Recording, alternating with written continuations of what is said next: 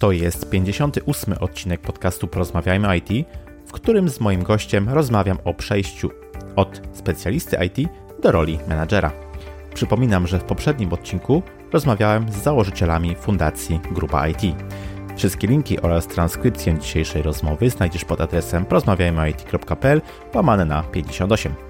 Chcę poszerzać horyzonty ludzi z branży IT i wierzę, że poprzez wywiady takie jak ten, publikowane jako podcasty, będę to robił z sukcesem. Ja się nazywam Krzysztof Kępiński i życzę Ci miłego słuchania. Odpalamy. Cześć.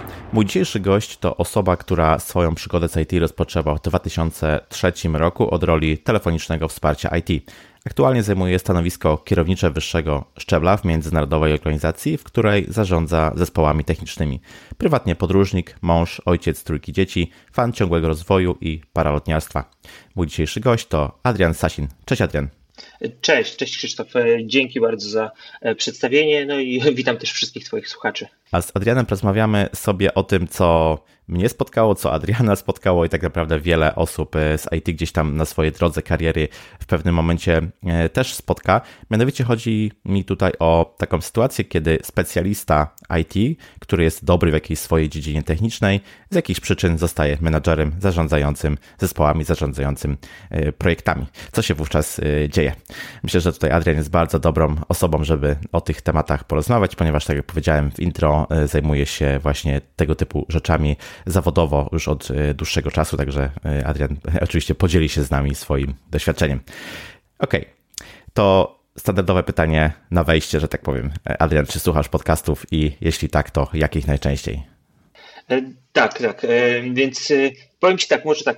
Ja bardzo lubię czytać książki i długo nie mogłem się przekonać mm. nawet do audiobooków, ale gdy zaczęło brakować czasu na czytanie, wziąłem audiobooki E, można je słuchać, wiadomo, kiedy się robi inne, inne mhm. rzeczy. I później, po, po, tym, po tym, jak już się przyzwyczaiłem do audiobooków, stwierdziłem, kurczę, może to jeszcze nie wszystko. I, i zacząłem eksperymentować właśnie z podcastami, bo e, w wywiadach, e, które często są i u, u ciebie przede wszystkim, to jest, to, to jest standard.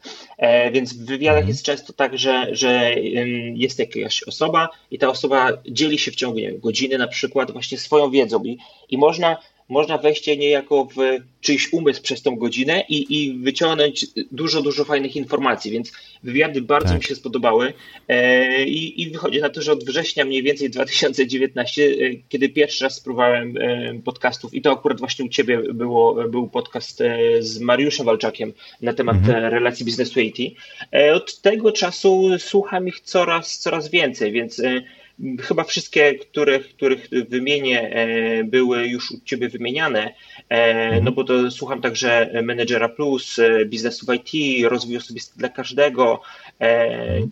ale tu słuchałem też na przykład wywiadów robionych przez Mirka Burnejko, czy okay. Dev Team Project bardzo, bardzo też mi się spodobał. Później do, doszła jeszcze, e, doszły jeszcze inne, trochę mniejsze podcasty, jak e, Chwila dla Admina. E, ostatnio mhm. podcast charyzmatyczny Dawida też mi przypadł do gustu. Mhm. Czy najświeższy podcast o zdrowych organizacjach Macieja Sasina?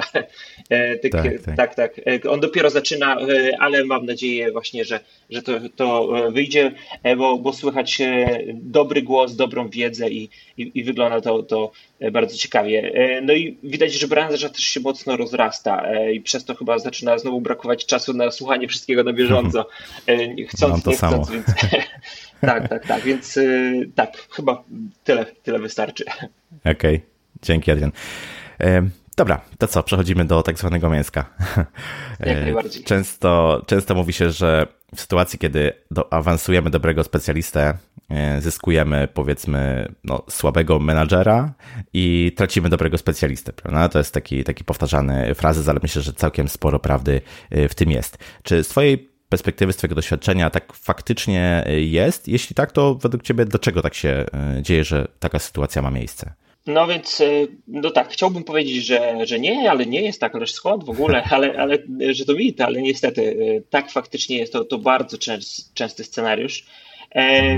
Bo to jest też tak, że jak na przykład inwestujesz sam będąc specjalistą IT w swoje techniczne umiejętności, kolejny język, biblioteka, framework i widzisz, że to działa. Robisz rzeczy bardziej skomplikowane, niepowtarzalne, dostajesz lepsze wynagrodzenie i potem nagle okazuje się, o, możesz zwiększyć skalę tego, co robisz, możesz zacząć nauczać innych i zostajesz leadem, mhm. kierownikiem. No i na papierze brzmi wszystko dobrze, wygląda to dobrze, e, ale kiedy zostajesz już tym e, kierownikiem, okazuje się, że dobra połowa Twoich umiejętności, które Cię doprowadziły do tego miejsca, w którym jesteś, przestaje mhm. Ci już być potrzebna. Natomiast powstaje taka luka, deficyt e, umiejętności zarządzania ludźmi, organizowania pracy już nie tylko swojej, ale też pracy innych ludzi. Ogromny obszar dotyczący psychologii, na którą często ludzie z IT patrzą tak mhm. trochę, że jak na coś zbędnego niemalże. Obszar motywacji, e, rekrutacji, relacji e, z ludźmi, e, z innymi działami. No i, i, widzisz, żeby dostać tą pracę techniczną, musiałeś w ogóle udowodnić na rekrutacji, że znasz się na, na tym wszystkim, za co ci mhm. płacą. A tutaj dostajesz awans i w zasadzie pracodawca spodziewa się, że ty z dnia na dzień już masz wszystkie umiejętności, które są ci potrzebne, żeby świetnie wykonywać tą pracę, którą wykonywałeś. No i, no i tak, właśnie, tak właśnie nie jest. To jest takie często zderzenie z rzeczywistością. Więc mhm. E, zaczynasz e, pracować po macku, e, może zrobię to, może spróbuję tamtego, patrzysz co działa, efekty czasem przychodzą, czasem nie. Zazwyczaj przychodzi niestety sporo frustracji, trochę zniechęcenia mhm. i, i, i, czasem rozczarowanie. No i w dużej mierze ta odpowiedzialność to, to jest na tych pracodawcach.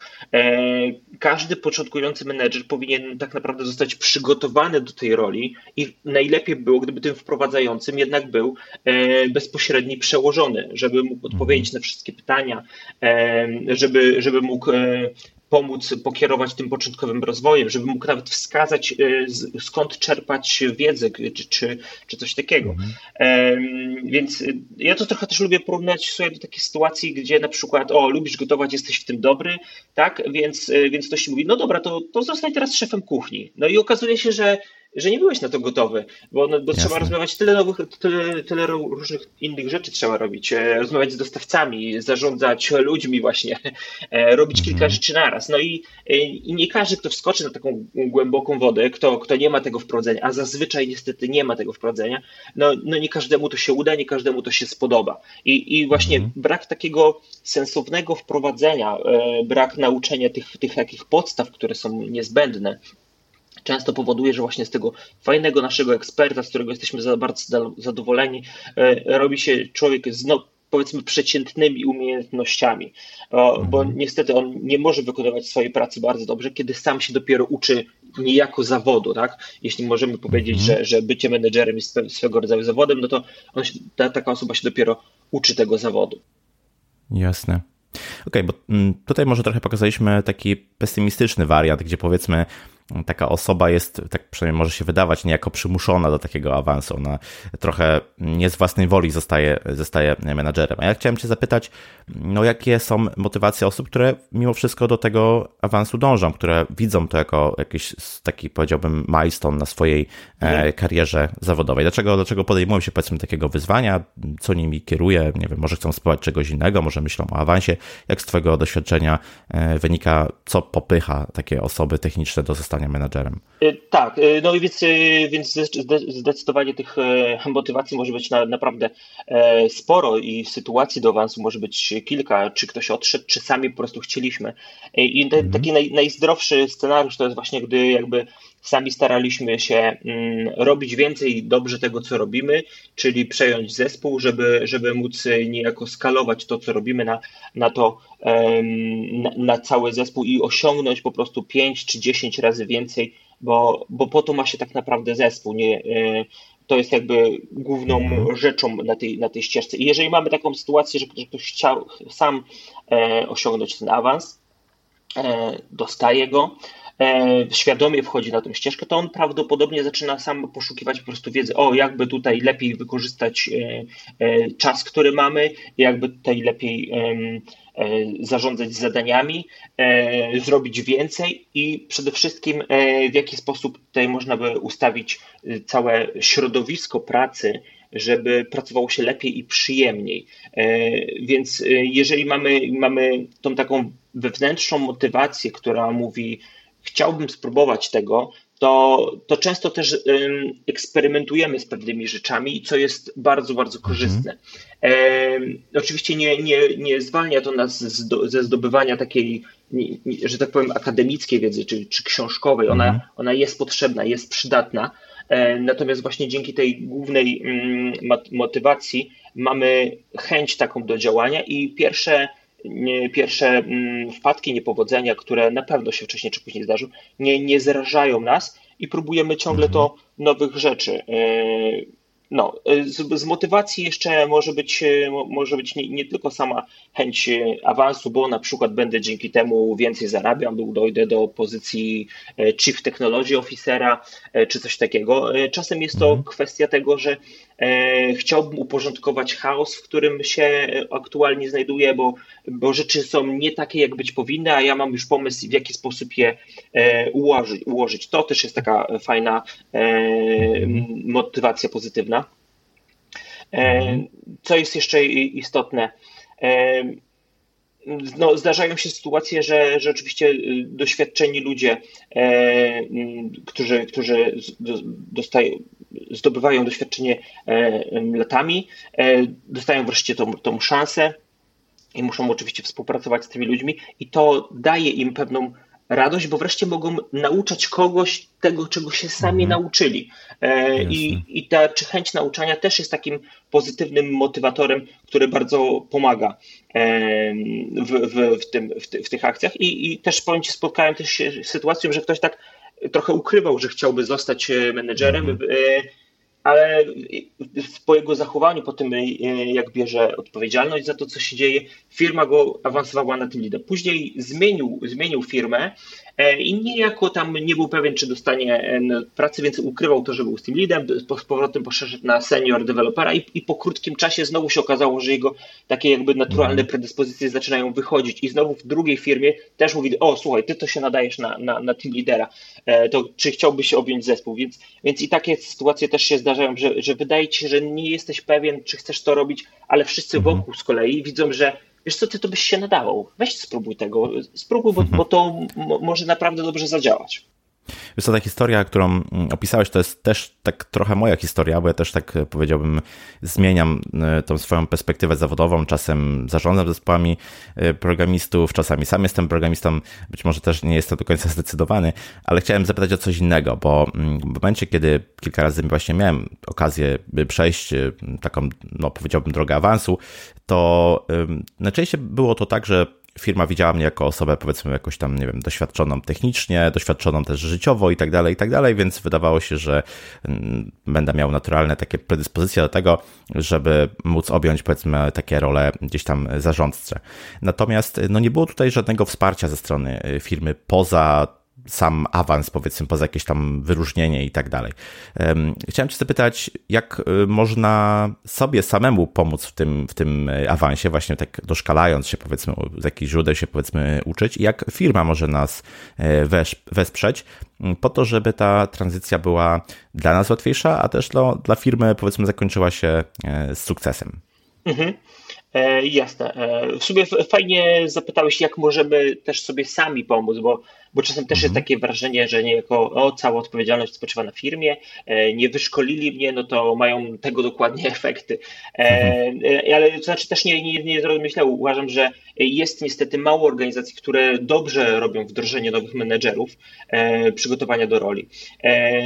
Więc jeżeli się pojawia osoba, która ma, ma odpowiedzialność, czuje odpowiedzialność, to to jest to, to dobra sytuacja, bo, bo nie zawsze widzimy to e, w organizacjach. Mówimy, że o, ta organizacja jest zła, ale, ale organizacje to tak mhm. naprawdę ludzie, którzy tam pracują. To są, to są menedżerzy, których prawdopodobnie nikt też wcześniej nie przygotowywał, nie wyszkolił, nie uświadomił z, e, e, nie uświadomił z obszaru tworzenia następców, e, tworzenia nowych menedżerów i liderów, więc nadają oni mm, kandydatowi na przykład tytuł menedżera i oczekują właśnie natychmiastowych mhm. efektów, a, a jak wiemy tak to nie działa.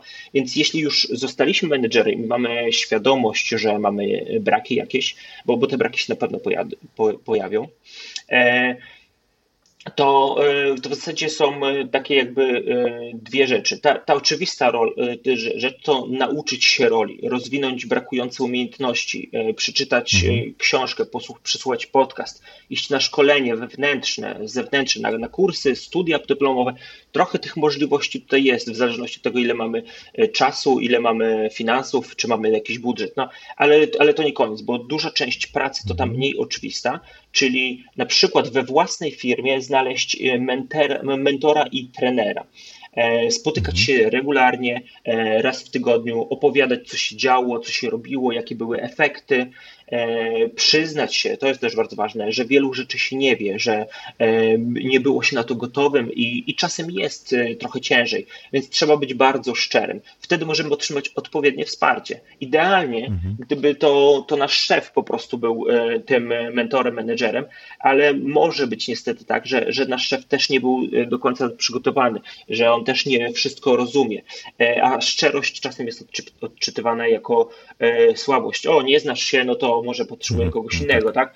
E, więc jeśli mamy takiego szefa, to dużo ciężej będzie przekonać i siebie, i organizację do, do, do tego mm, wymaganego początkowego wdrożenia. Teraz jest takie e, popularne słowo e, się robi jak onboarding, czyli właśnie mhm. przygotowanie osoby do stanowiska pracy zapewnienie odpowiednich zarówno materiałów e, fizycznych typu sprzęt komputerowy o odpowiedniej mocy do wykonywanych obowiązków, e, ale też właśnie e, informacje dotyczące procedur, szkolenia, treningów i tak dalej. Więc, mhm. więc to, co, to, co na pewno nam się przyda, to taki upór i konsekwencja w, w tym, że ok, Teraz może nie, nie jest idealnie, ale na pewno sobie z tym poradzę. E, trochę dłużej popracuję, e, sięgnę po e, kolejną wiedzę z tego czy tamtego źródła, porozmawiam też z osobami, które są na podobnym stanowisku i podzielę się tymi wątpliwościami. Mhm. To jest niesamowicie ważne, żeby, żeby postarać się znaleźć kawałeczek jakiejś społeczności takiej podobnej do nas, czyli osoby w organizacji na przykład będące na podobnym stanowisku, a jeżeli nie, są, nie, nie ma w naszej organizacji, bo jest mała e, osób na podobnym stanowisku, to może przy okazji jakichś e, branżowych eventów, konferencji poznać innych ludzi z innych firm, którzy robią podobną pracę i, i z nimi się powymieniać mhm. wiedzą. To jest na, naprawdę bardzo, bardzo e, przydatna sprawa i, i coś, co, co warto zainwestować. Okej, okay, Adrian, wspomniałeś o czymś takim jak pewne naturalne predyspozycje, które ktoś może mieć, żeby, dajmy na to, zostać menadżerem. E, chciałem Cię zapytać, czy tej roli w ogóle można się nauczyć, czy też, no właśnie, trzeba bazować na e, czymś, co już mamy, na pewnych predyspozycjach, takich, no nie wiem, jak ta charyzma, pociąganie, powiedzmy, ludzi mm, za sobą, pewien czar, otwartość, ekstrawertyzm, jak wynika z Twojego doświadczenia? Można się tego nauczyć, czy trzeba się z tym, powiedzmy, urodzić? Zaryzykuję może takie stwierdzenie, troszkę inne niż się e, może ludziom wmawia, że, że niemalże każdy może zostać menedżerem i nie trzeba naturalnych mm -hmm. predyspozycji, ale sięgnijmy na przykład do takiego przykładu jak programista. Czy każdy może zostać programistą? Czy, czy programista to też na przykład taki artysta, e, czyli trzeba mieć dar, czy rzemieślnik, e, czyli mhm. trzeba po prostu nauczyć się procesu, narzędzi e, i tak dalej. Więc moim zdaniem, jeśli na, na jednym końcu jest dar, czy to być menedżerem, czy, e, czy w byciu dobrym programistą, a na drugim jest rzemiosło, to jesteśmy bliżej tego krańca dotyczącego, że każdego da się nauczyć. E, powiedzmy 80%, mhm. że tak można się nauczyć, a 20% trzeba mieć pewne predyspozycje. Tylko, tylko, że te predyspozycje to też są troszkę inne chyba niż, niż większość ludzi uważa, bo tak na przykład w programowaniu masz głównym, główną taką rzecz jest na przykład chęć umiejętności rozwiązywania problemów. E, przynajmniej ja to mhm. tak widzę. Bez tego ciężko tak. byłoby być programistą. E, tak w zarządzaniu musisz mieć chęć zrozumienia ludzi co ludźmi kieruje, mhm. dlaczego robią to, co robią niemalże. Więc e, ta chęć jest moim zdaniem taką rzeczą, przez której e, nie da się e, być dobrym menedżerem, a jeżeli jest ona niezbędna. E, oprócz tego oczywiście są umiejętności typu charyzma, planowanie, analizowanie, nawet otwartość, e, to, ale to są umiejętności, których możesz się nauczyć. Tak? Jeżeli dostaniesz poddane odpowiedniemu e, szkoleniu, treningowi, czy będziesz miał wystarczająco mhm. dużo sytuacji, w których, się, w których możesz korzystać z tych umiejętności, to zaczniesz je rozwijać i, i, i się e, e, nauczysz tego. I, I na przykład wiele artykułów, które spotkasz w internecie, mówi, że na przykład komunikacja to umiejętność numer jeden e, mhm. i to jest też coś, czego można się nauczyć, ale moim zdaniem największa siła tkwi w inteligencji emocjonalnej. To, to czasem się mhm. kojarzy z takim nic nie mówiącym słowem, bo to jest bardzo, bardzo bogaty mm, obszar, bardzo duży obszar dotyczące pewnych umiejętności, bo to się łączy na przykład bezpośrednio z empatią i tutaj właśnie dochodzimy do tego rozumienia ludzi. E, I, mhm. i to dla ludzi może z IT też nie brzmi jakoś, o kurczę, empatia w ogóle, o co chodzi, nie jestem pewien, to tak. chyba nie dla mnie, a czy to nie jest przypadkiem coś e, mocno kobiecego, bo z takimi opiniami się spotkałem. E, więc, więc bywa tak faktycznie, ale można to naprawdę przedstawić zupełnie, zupełnie inaczej, bo, bo empatia w dużej mierze sprowadza się do, do pewnego odgrywania ról. E, czy potrafisz mhm. wczuć się na chwilę, na parę minut e, w to, że jesteś drugim człowiekiem, zastanowić się, co go motywuje, e, co on chce robić albo czego się boi tego da się nauczyć. Mhm. I, I może tutaj będzie też ry, tro, trochę ryzykowne stwierdzenie, e, ale moim zdaniem osoby na przykład lubiące gry fabularne, czy gry komputerowe, konsolowe, gry typu role playing game RPG, to są mhm. osoby mające dobrą bazę być osobami empatycznymi, bo dla nich odgrywanie roli nie jest czymś obcym. Tylko nikt tego w ten sposób nie przedstawia, no bo, no bo przecież te gry to są takie głupie i uzależniające i w ogóle. Tak. A można to zrobić zupełnie inaczej. Można powiedzieć, słuchajcie, wyobraź sobie, że ten drugi człowiek e, tutaj, z którym, e, którym masz zarządzać, to jest, nie wiem, postać, którą masz grać przez najbliższe 3 minuty. Czym lepiej zrozumiesz mhm. swoją nową postać, tym więcej punktów dostaniesz. Przykładowo. Bo, bo ta osoba mhm. lepiej zrealizuje swoje zadanie. E, I na takie, na, na tak podstawione, na podstawione zadanie e, dużo ludzi zareaguje dużo lepiej. A, okej, okay, dobra, to spróbujmy, tak? Ale oczywiście mhm. część osób też powie, nie, ale słuchaj, to nie ma sensu, bo ja nic o tym drugim człowieku nie wiem. No i, no i zgadza się, może tak być, że, że nic o nim nie wiesz, ale e, słuchaj, to zapytaj go po prostu. Zapytaj go o to, czego nie mhm. wiesz powiedz, że to cię interesuje, tamto chciałbyś to wiedzieć, czy tamto. I czasem jest zdziwienie, to, to jak to, to mogę go zapytać, tak? Czy, czego on chce, czy, czy... No, i, no i właśnie tak, i dochodzimy do tego, że, że jak najbardziej, nie tylko można, ale i trzeba. I to jest kolejna rzecz, e, w której e, w której po prostu ludzie muszą jakby się sami przekonać, że można się tego wszystkiego nauczyć. Po prostu na przykład zadawaj pytania, słuchaj. I tutaj właśnie dochodzimy też, też do komunikacji, którą, którą ja stawiam osobiście na, na mhm. miejscu numer dwa, czyli właśnie to słuchanie, e, zadawanie pytań, na samym końcu dopiero mówienie. E, no i jest jeszcze trzeci obszar umiejętności, ja bym tak nazwał, że to właśnie taka planowanie, wizja, realizacja tej, tej wizji. E, I, i, I jak widzisz, nie, nie wspomniałem nic o na przykład ekstrawertyzmie. E, bo tak. znam, na, znam osobiście wielu dobrych team liderów, którzy są introwertykami i, i, nie trzeba wcale być e, człowiekiem, który pierwszy zaraz wyskakuje do ludzi, przedstawia się w ogóle i, i jest mhm. E, wszędzie widoczny i obecny.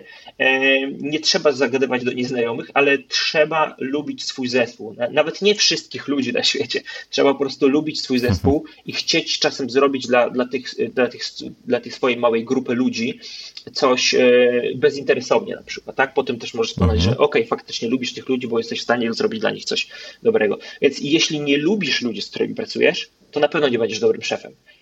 Tak, okay. tak, tak bym to mhm. przedstawił, jeśli chodzi o, o umiejętności. Chciałem Cię właściwie zapytać o zestaw kompetencji, które warto by było, żeby menadżer w swoim y, toolboxie posiadał, że tak powiem, idąc, zbliżając się trochę właśnie mm, w kierunku tego rzemiosła, o którym powiedziałeś, ale no, powiedziałeś już o empatii, powiedziałeś już o y, komunikacji. Czy coś jeszcze według Ciebie należy do takiego podstawowego zestawu kompetencji, które powinny wchodzić w skład takiego, powiedziałbym, podstawowego zakresu dla menadżera w IT? Mhm. E, no, na szczęście jakby osoby z IT są już w dużej mierze nauczone, że e, trzeba mm, cały czas się uczyć, trzeba być gotowym do tego, żeby mhm. zdobywać cały czas wiedzę. I, I wchodząc na tą ścieżkę menedżerską, jest dokładnie tak samo. Obszary wiedzy się zmieniają, natomiast tego, że trzeba cały czas się uczyć czegoś, to, to zostaje jakby aktualne. I mhm. może tempo zmian samo w sobie jest e, niższe w, e, na ścieżce menedżerskiej niż na ścieżce typowo technicznej, eksperckiej. Natomiast e, tą wiedzę trzeba cały czas zdobywać i trzeba też nauczyć się, że pewne rzeczy, które działały w przeszłości, przestają działać, więc muszę się ich niejako oduczyć, żeby nauczyć się czegoś nowego. To, to uważam, że, że jest takie naprawdę, naprawdę podstawą takiego dobrego podejścia do tego, co mnie czeka. Ale jak mówię, ludzie w IT chyba są do tego przyzwyczajeni, więc, więc nie powinno to tak, być tak. Nic, nic, dziwnego. No i, no i jest cały obszar tak zwanych umiejętności miękkich, soft skills, e, które są często błędnie interpretowane sorry, przez osoby techniczne jako umiejętności no, nie dające pieniędzy, no bo, no bo one są związane z tymi tak. nie dającymi się łatwo zmierzyć umiejętnościami, jak na przykład e, wspomniałem o aktywnym słuchaniu, no, no jak, jak to zmonetyzować, tak? E, więc tak, jest, jest też potrzeba asertywności to jest, e, uważam, że, mhm. że e, fajna umiejętność, bo, bo zarówno szef, jak i ludzie z zespołu dość szybko będą testować nasze granice. Nawet nie zawsze robią to mhm. świadomie, ale, ale jednak to robią. Więc umiejętność powiedzenia nie w sposób, który nie obraża nikogo, przyda nam się bardzo szybko. Mhm. Od razu też dodam umiejętność oczywiście zarządzania zadaniami, e, trochę więcej popracujemy też nad produktywnością też nauczymy się delegowania zadań. Na, na delegowaniu mhm. zadań chyba się każdy wykłada. To, to nie jest takie proste, jak po prostu powiedzieć, dobra, to zrób to i za dwa dni ma być gotowe. Tak, tak. Na, na, na pewno, na pewno coś, coś o tym wiesz. Więc i, i jest na przykład kilka poziomów delegowania, z którymi warto się zapoznać. Tak? Mhm. Są, są też e, co jeszcze jest? E, czasem ludzie boją się zostać menedżerami, dlatego że boją się, że, że menedżerzy pracują na przykład po 16 godzin, a, a e, tylko parę złotych więcej z tego zarabiają. No, no więc jeżeli widzimy takiego menedżera, to, to prawdopodobnie właśnie nie, nie posiadł on umiejętności delegowania zadań, radzenia sobie z zadaniami, bo, bo, bo takich, takich sytuacji nie powinno zupełnie być. E, co jeszcze z umiejętności? Mm, na przykład feedback. O, to jest, to jest coś bardzo, bardzo mhm. niedoceniane. E, trzeba nauczyć się mówić e, o zachowaniach których nie chcemy widzieć. Nie, nie, nie że osoba jest e, zła, niedobra, mm. tylko zachowania, których nie chcemy widzieć i, i w jaki sposób po prostu minimalizować tę ilość zachowań, redukować, oraz o zachowaniach, które chcemy widzieć i w jaki sposób wzmacniać te zachowania. I, i tutaj też mamy i, i, zarówno feedback, i czasem się po prostu mówi, że, że zwyczajne pochwały, które naprawdę czynią cuda, a, a ludzie no, zapominają o tym. No, niestety w IT mamy, mamy coś takiego, że no jak wszystko działa, to nie ma o czym gadać, a jak coś nie działa, tak. no to trzeba zwracać uwagę, tak? I, i jakby mhm. bilans tego jest zazwyczaj wtedy ujemny, bo jeśli nie, nie mówisz o, o dobrych rzeczach, a mówisz o złych rzeczach, no to, to jednak y, jest, powstaje, powstaje pewna luka. No to czy jest coś, co robimy dobrze w ogóle? Tak, więc trzeba, trzeba na pewno nauczyć się też mówić o tych rzeczach, e, które, które są mhm. dobrze. E, co bym jeszcze dodał? Z takich ważnych umiejętności budowanie zaufania, e, oddawanie czasem kontroli zespołowi. E, czyli, czyli mamy menedżerów, którzy na przykład bardzo idą w mikromanagement, co, co też jest złym zachowaniem. Tak. E, bo, no bo niestety nie oddają tej kontroli, czują, że muszą wszystko dobrze kontrolować, nie, nie są pewni, czy wszystko zostanie zrobione. No ale z drugiej strony też y, dużo rzadziej, ale występują menedżerzy, którzy się prawie w ogóle tym zespołem nie interesują. No, no dostaliście zadania, no, no radźcie sobie, tak? E, to róbcie. Dokładnie, tak. więc więc e, trzeba też umieć znaleźć ten taki środek, e, budować to, złoty środek, trzeba budować zaufanie. No, i to byłoby chyba na hmm. początek takie, takie zestaw dobrych umiejętności, które, które warto zainwestować i one powoli się będą rozwijały, bo będziemy po prostu pod wpływem nowych zadań. No właśnie. Teraz przejdźmy może do tych, do tych zadań, czyli w jaki sposób wykorzystać praktycznie te umiejętności. Mm, zastanawiam się, co należy do takiego podstawowego, podstawowego zakresu obowiązków osób zarządzających zespołami w IT. No bo z jednej strony możemy przejść taką klasyczną drogę, gdzie mm, powiedzmy awansujemy będąc wcześniej na jakichś stanowiskach technicznych, ale z drugiej strony w teorii możemy zostać menadżerem w IT nie posiadając tego backgroundu e, technicznego. Bez tego, czy do, tych, do tego zakresu obowiązków należą też jakiekolwiek zadania techniczne. Mhm. E, dobra, więc e, ja osobiście jakby w IT polecam dużo bardziej tą ścieżkę, która chyba jest coraz częstsza, czyli, czyli właśnie awansujmy osoby techniczne, bo im od początku jest łatwiej mhm. nawiązać kontakt z zespołem. Jeżeli przychodzi ktoś, kto e, nie ma doświadczenia technicznego lub ma z zupełnie innej dziedziny niż, niż, niż zespół, to trochę ciężej zbudować na początku porozumienie, autorytet i, e, i, i, i poczucie, że to jest właściwy człowiek mhm. na właściwym miejscu. oczywiście jest wielu dyrektorów IT, którzy nie mają żadnych technicznych umiejętności i to potrafi działać w firmach. Natomiast w miarę możliwości e, jednak e, pójście tą drogą techniczną ułatwia to. E, no i, i miejsce na rzeczy techniczne wtedy jak najbardziej jest.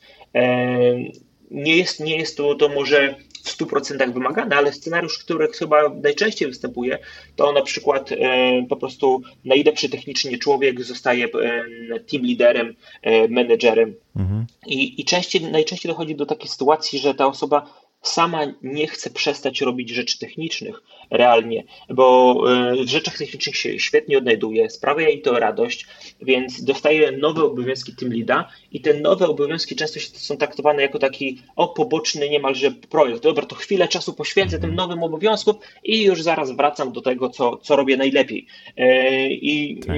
to, jest, to jest częsty scenariusz i na krótką metę jeszcze potrafi, jeszcze potrafi zadziałać, bo, bo zazwyczaj e, jak obejmujemy nową rolę, to nie dostajemy od razu e, tyle obowiązków, że, że po prostu nam doby brakuje, tylko powoli dostajemy kolejne zadania. Jednak właśnie chyba większym wyzwaniem jest to, żeby ta osoba, która była techniczna, jest nadal techniczna, nauczyła się, że e, jej główna praca polega na tym, żeby to zespół wydajnie pracował, e, żeby dać zespołowi wiedzę, żeby dać zespołowi autorytet, a samemu robić celowo coraz mniej technicznych zadań, bo jeżeli robię techniczne zadania, to jestem liczony jako niemalże jedna osoba w zespole. A jeżeli, mhm. jeżeli pracuję nad tym, żeby poprawiać środowisko pracy, zmieniać e, szkodliwe procesy e, na, na, na, takie, które są dużo bardziej przydatne, które nas mniej ograniczają na przykład, to, to okazuje się, że każda jedna osoba, jeżeli może, może nagle robić 10, 20 czy nawet 50% więcej. I to, to nie dlatego, że szybciej wykonuje, e, nie wiem, szybciej ładuje taczkę, mówiąc, mówiąc tak kolokwialnie, e, tylko dlatego, że e, rzeczy najprostsze na przykład są automatyzowane, że błędy, które powodowały zgłoszenia zostaną usunięte, że osoby, które powinny odpowiadać za pewne obszary, które są dobrze znane na tych obszarach, wezmą odpowiedzialność i zajmą się tymi zadaniami, więc wykorzystywanie takich mocnych stron pracowników jest, jest bardzo ważne. Wprowadzenie pewnej automatyzacji i tak dalej, i tak dalej. Więc y, są, są takie, takie rzeczy, na których menedżer raczej się powinien skupić i, i na tych obszarach też może się nietechniczny menedżer skupić jak najbardziej, e, a, a które to obszary sprawiają, że właśnie to zespół osiąga więcej i, i jakby na tym należałoby w, te, w tym kierunku jakby iść. E, no, tak bym to powiedział. Nie wiem, czy odpowiedziałem mhm. na całe pytanie, bo jak, jak zwykle lubię dużo mówić i mam nadzieję, że. Nie, nie, bardzo, bardzo fajnie. Mhm, bardzo fajnie. Zastanawiam się tylko, na ile powiedzmy mm, musisz w swojej takiej codziennej pracy podążać za nowinkami technicznymi w tej w swojej branży, w której powiedzmy pracujesz. Na ile to jest wymagane, na ile to jest taki, na, na ile to jest takie nice to have, że powiedzmy pomaga to tobie mm, w komunikacji, dajmy na to z programistami, z osobami technicznymi, a na ile jest wymogiem, bez którego ciężko byłoby realizować takie codzienne zadania. Mhm. Więc e, może tak, rozumienie, co robi zespół jest jakby kluczowe ale nie oznacza to, że muszę mhm. znać każdy framework, bibliotekę czy konfigurację okay. każdego, każdego sprzętu.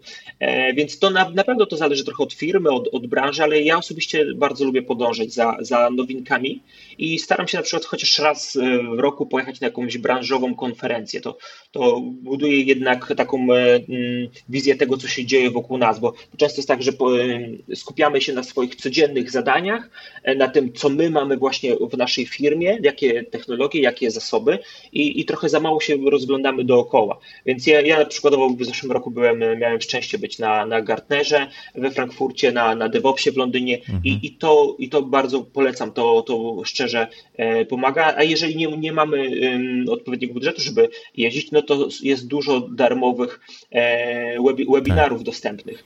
E, no ale oczywiście nie, nie, nie można się też jakby zachłysnąć tymi nowinkami. Znam taki tutaj przypadek, jak kilka lat temu pojawił się na przykład taki trend Bring Your Own Device. Nie wiem, czy o tym akurat słyszałeś. Koncepcja jest taka, że tak, każdy tak, pracownik mhm. może wykonywać swoje obowiązki na, z dowolnego urządzenia i to było często rozumiane także w sensie takiego, jak najbardziej lubi, a, a czasem takie, jak najbardziej, takie, jakie on sam posiada, czyli może być tablet, może być Macintosh, Windows, Linux, co w ma. I na pierwszy rzut oka to na przykład ma ręce i nogi, ale jak zaczynasz się przyglądać tym szczegółom, no to, to przestaje, przestaje mieć sens.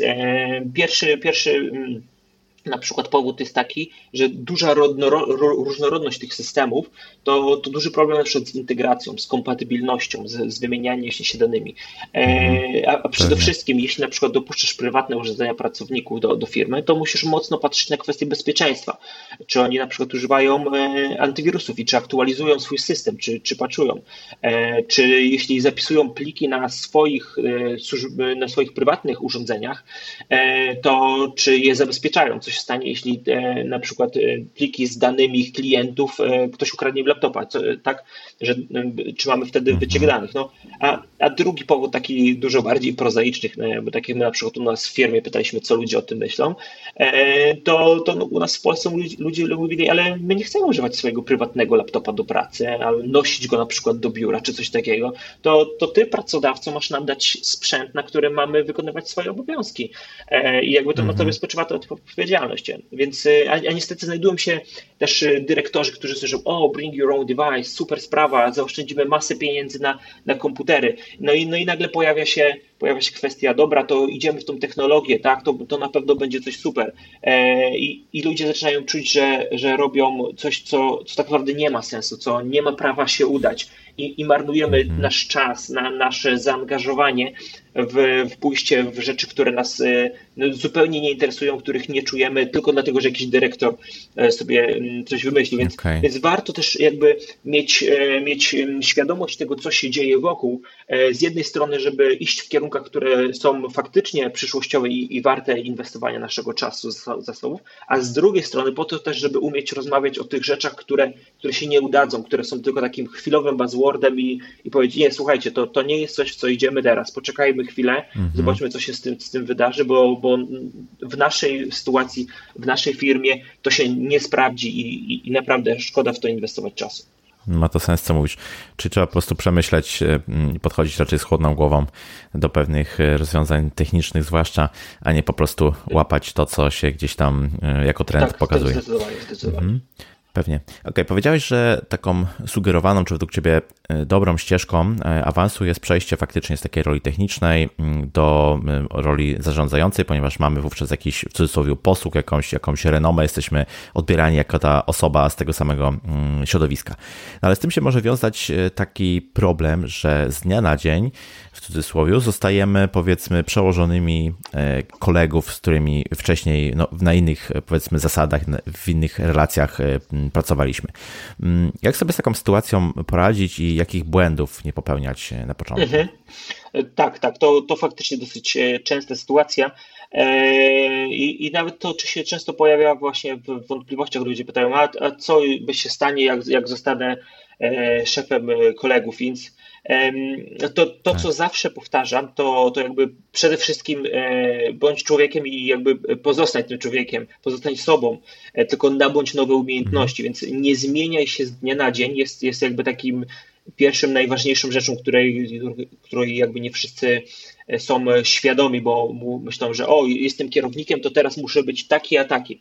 A, a to tak nie jest, bo, no bo mhm. dzisiaj jesteś kierownikiem, a, jutro nie wiadomo, może wrócisz do zespołu, bo projekt się zakończył. E, więc trzeba być zdecydowanie mhm. takim szefem, jakim, jakiego same, samemu chciałoby się po prostu mieć e, nad sobą. Więc e, mówię też tutaj o właśnie mhm. niezmienianiu się, czyli jeśli było się bardzo szczerym z ludźmi przed awansem, no to po tym awansie też trzeba być z nimi tak samo szczerym.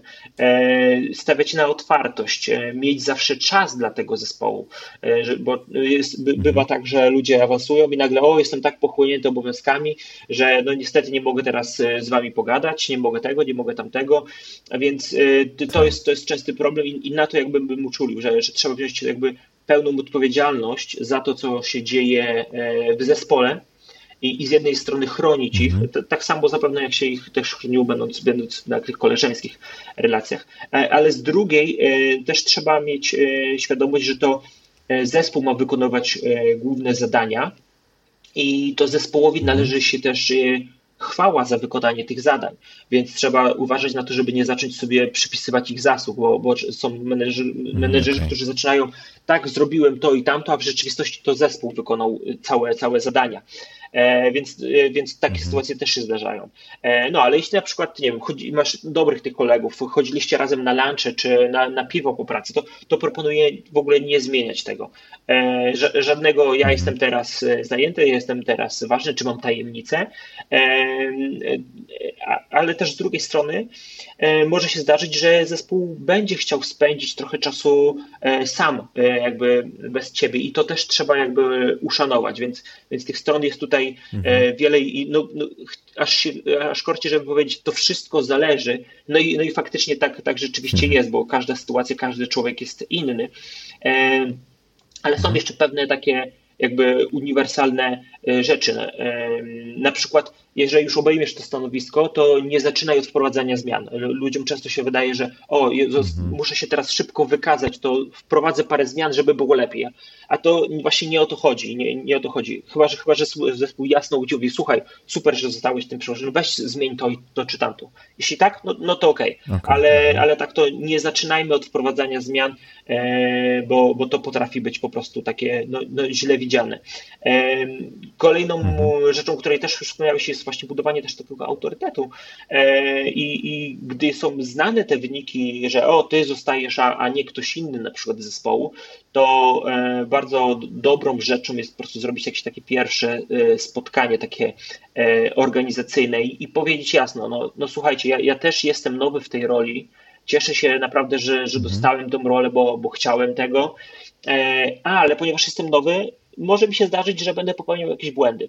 Więc e, dajcie mi trochę tutaj, e, trochę takiego, takich, takiego luzu, e, takich forów i jeśli po prostu mhm. zobaczycie, że robię rzeczy, które, które są dziwne, to dajcie mi po prostu znać, powiedzcie mi o tym. I, i, i budowanie tej szczerości i takiej otwartości, przyznawanie się, że nie jest się idealnym, też bardzo pomaga po prostu budować takie zdrowe relacje z ludźmi.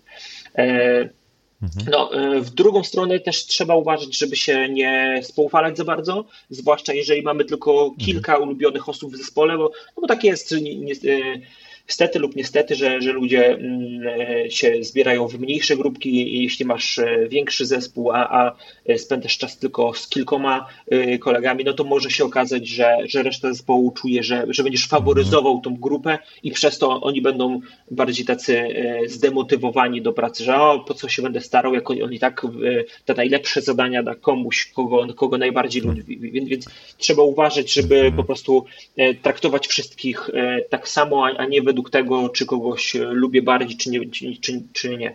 Trzeba jednak dawać szansę każdemu się mhm. rozwinąć, przydzielać nowe obowiązki, a nie tylko ciągle powtarzalne, te same, rutynowe i, i niestety często z rutyną jest tak, że ona po pewnym czasie zaczyna, mhm. zaczyna nudzić niestety. E, co, co jeszcze może się wydarzyć? No, może się jeszcze wydarzyć właśnie, że ktoś e, z zespołu też chciał to samo stanowisko i wtedy dodatkowo dochodzi element na przykład zazdrości, z którym trzeba sobie poradzić. Tak. Więc polecałbym zdecydowanie szybko, szybko e, zaplanować, e, czy zrobić po prostu rozmowę w cztery oczy, że e, powiedzieć temu koledze, że no słuchaj, rozumiem, że, że jesteś zawiedziony, E, ja, no, prawda jest taka, że, że cieszę się, że e, zostałem tym. E, szkoda, że obydwaj na przykład nie mogliśmy zostać, że nie było takiej możliwości, ale mam nadzieję, że, że nasze relacje zostaną dalej jakby pozytywne. Uważam, że masz, mhm. masz dobrą wiedzę i, i chętnie skorzystam z Twojej pomysłowości, tak? Także jakby nie, nie zamykajmy tej relacji E, tylko postarajmy się zbudować na, na tym, co mhm. jest, tak? E, więc to, to też bym e, zaznaczył jako taką sytuację. Okej, okay, czyli nie zmieniajmy się powiedzmy z dnia na dzień, raczej starajmy się, jeśli jest to konieczne, to powoli wprowadzać pewne zmiany i bądźmy po prostu otwarci w stosunku do, do kolegów, bo, bo jeśli będziemy zbyt drastycznie podchodzić mm, tutaj do, do pewnych zmian, no to tak naprawdę pewnie odwróci to się przeciwko, tak, przeciwko tak, nam. Do, dobrze to podsumowałeś. Ewolucja, a nie rewolucja. Mhm, dokładnie, dokładnie. Okej, okay. do takich istotnych rzeczy, do takich istotnych, mm, powiedziałbym, obowiązków osoby na takim stanowisku leży rekrutacja, no i też budowanie zespołu. To są takie procesy, które trwają no dosyć, dosyć długo. E, jakie rady dałbyś w tym temacie? Nie wiem, czego się wystrzegać na początku, na co zwracać uwagę właśnie w kontekście rekrutacji do istniejącego już zespołu, no i budowania nie, takiej atmosfery w, w zespole, którym się zarządza? E, dobra, to e, rekrutacja jest, jest fajną sprawą, bo wydaje ci się, że jak idziesz, e, jak sam szukasz pracy, idziesz na rekrutację, to, to na, na mhm. przynajmniej na pierwszych rozmowach na pewno wiesz, stresujesz się, e, zastanawiasz, tak. co, co o tobie ktoś myśli, e, jak pójdzie i w ogóle. A potem się też po drugiej stronie tego stołu i, i, i z taką myślą, dobra, to mam tutaj kartkę z pytaniami, przeczytam i zobaczymy, czy ktoś się nadaje. A potem, a potem zaczyna się ta rekrutacja, mhm. To ty teraz szukasz kandydata i zaczyna się okazać, że, że to tobie zaczyna głos drżeć, e, że to ty musisz sięgać częściej po tą szklankę wody e, i, i się zastanawiasz, a czy ta okay. druga strona to widzi? Czy on się mniej denerwuje niż ja?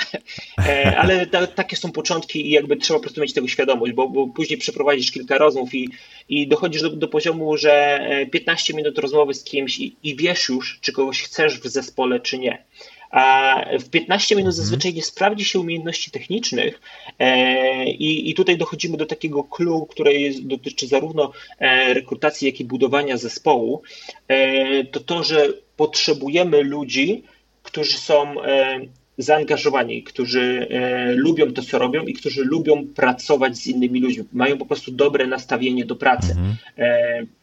I to jest, to jest rzecz, której, którą by polecał patrzeć na to dużo bardziej niż na super umiejętności techniczne, bo, bo prawda jest taka, że mhm. te super umiejętności techniczne możesz później zdobyć na, na drodze po prostu kolejnego e, rozwoju, kolejnych szkoleń, kursów, a jeżeli ktoś nie ma takiego ducha pracy zespołowej, e, uważa, że o ja to wiem wszystko najlepiej, bo ja już po prostu jestem tak, takim e, super ekspertem, że, że naprawdę nikt tyle nie wie, więc, więc ci wszyscy ludzie inni wypowiadający się na ten temat, to, to po prostu szkoda w ogóle czasu na rozmowę z nimi. No, no to z takim podejściem będzie ci ciężko zbudować dobry zespół.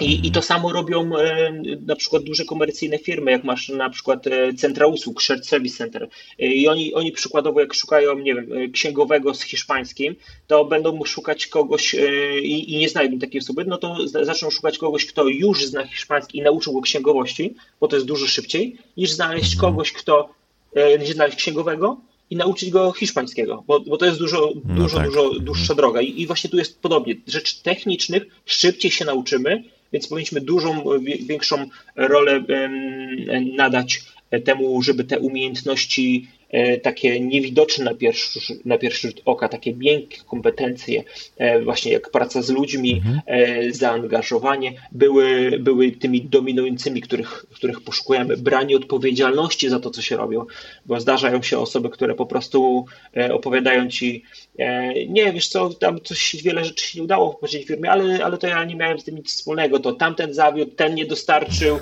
ten źle powiedział, no tak. to, to wszystko wina tych ludzi, w ogóle bez sensu. No, no to raczej bym się wystrzegał takiego kandydata, który jakby nie potrafi wziąć odpowiedzialności za, za własne. Mm, mhm za własne działania, za to, co się wokół niego dzieje. E, natomiast jeśli jeszcze mówimy o budowaniu zespołu, to jedną z takich no, popularniejszych koncepcji, którą e, ja polecam, bo jest po prostu, e, ma, ma silne fundamenty w badaniach, to, to jest tak zwany forming, storming, mhm. norming i, i performing, czyli etapy, przez, przez, które przechodzą wszystkie zespoły, zanim staną się naprawdę takie wydajne, takie pracowite i zgrane.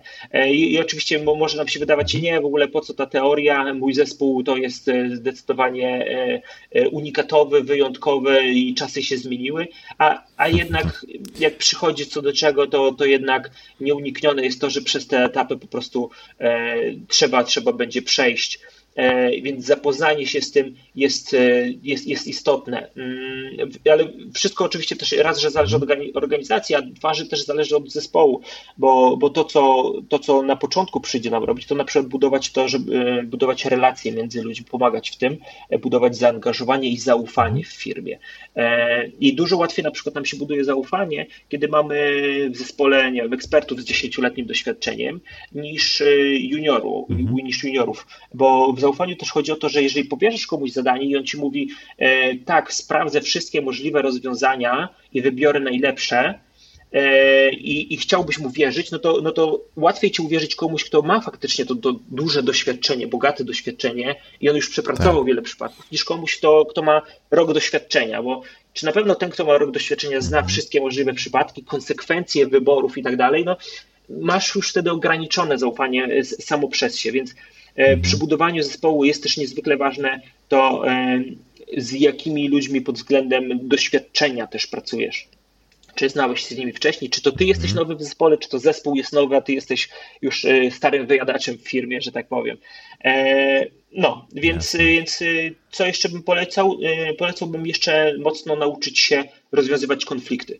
E, natomiast rozwiązywać, a nie unikać konfliktów, bo to jest to, często się dzieje, że mhm. mm, ktoś nie, nie zachowuje się e, zbyt odpowiednio, ale no dobra, to dla świętego spokoju dajmy mu jakieś tam ekstra przywileje, to, to będę miał spokój, bo, bo chodzi już mi, męczy mnie o to czy o tamto, to, to nie będzie. I, i, mhm. powstają, I powstają sytuacje, w których zaczynamy unikać konfliktu i te, te unikanie powoduje większe napięcia, większe konflikty ze zespołem. Ej, bo ten, on to dostał, a nie powinien tego dostać. Czy on jest jakiś uprzywilejowany, a dlaczego?